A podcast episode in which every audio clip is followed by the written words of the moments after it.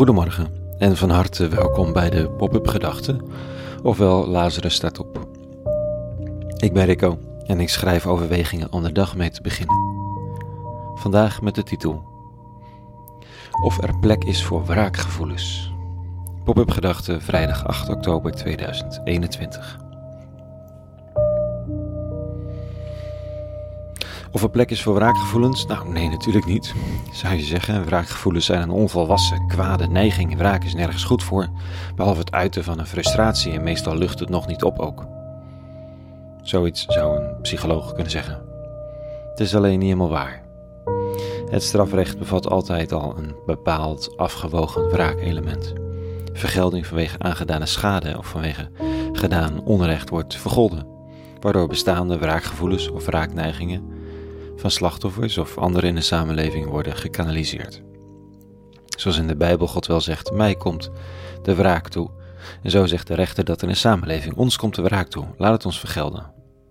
Dat is toch nog niet zo makkelijk als jou iets aangedaan. Maar het is wel de enige weg om een leefbare samenleving in stand te houden. Want wraakgevoelens zijn machtige dingen. Of je nou je bezighoudt met de toeslagenaffaire, of je, zoals ik zelf, al jaren bezighoudt met de situatie van vluchtelingen in Europa. Wraakgevoelens zijn je dan niet vreemd. En al kijken we er in onze cultuur vooral met afkeuring naar, zeker als een bepaalde groep mensen het in hun botte hersens haalt om een gallig mee te nemen naar een demonstratie, de gevoelens zelf zijn feiten. Je kunt moeilijk zeggen dat je iets niet mag voelen. De verantwoordelijkheid die de mens heeft, is om de redelijkheid van die gevoelens wraakgevoelens te onderzoeken, want daarmee kun je ze wel sturen. Gisteren was er een onderzoeksdocumentaire op tv door Pointer. Ik was nog niet in staat om deze te zien, maar de voorfilmpjes en artikelen en persberichten spraken boekdelen. Wat al jaren straffeloos gebeurt door Europese overheden, werd eindelijk met hoge kwaliteit en onweerlegbaar bewijs vastgelegd. Elite-eenheden van Europese overheden worden ingezet om op grove wijze kwetsbare mensen, die proberen om asiel in Europa aan te vragen, zonder enige vorm van proces en met heel veel geweld terug te duwen naar het grondgebied buiten Europa waar ze vandaan komen. Het is staande praktijk, goed gedocumenteerd, gruwelijk in de uitvoering en het wordt keihard ontkend door overheden. De Griekse overheid is wel de meester van de blatante ontkenning, terwijl het voor iedereen zichtbaar gebeurt.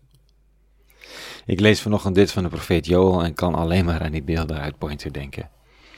De heidenen hebt u bedreigd, de zondaars neergeslagen, hun naam hebt u voor eeuwig uitgewist, de volken verdwijnen in de kuil die zij groeven. Hm. Nu zijn we allemaal de heidenen hier in Europa, maar het verlangen naar wraak, de hoop op woede en vergelding, het trilt door deze woorden heen. Of je nu een toeslagenaffaire hebt meegemaakt, of je met vluchtelingen bezighoudt, of op andere manier het onverteerbare onrecht toegebracht door overheden onder ogen ziet.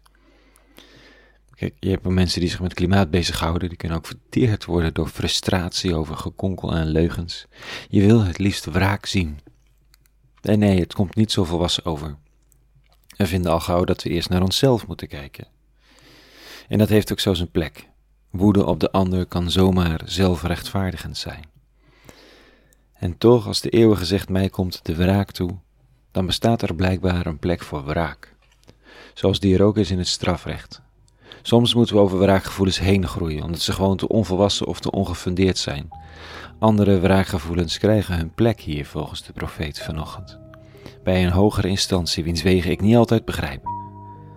Maar wat hoop je op een einde aan dit gedrag? Het blatant onrecht en de aanleidingen daarvoor, opdat het onrecht niet zomaar blijft bestaan. Ik sluit er maar vanochtend af met het citaat wat het fundament is voor veel van mijn werk, waarschijnlijk van Augustinus. En het zegt: Hoop heeft twee prachtige dochters, woede en moed. Woede over hoe de dingen zijn en de moed om te durven geloven dat ze niet zullen blijven zoals ze zijn. Tot zover vanochtend. Een heel goed weekend gewenst. En vrede. En alle goeds.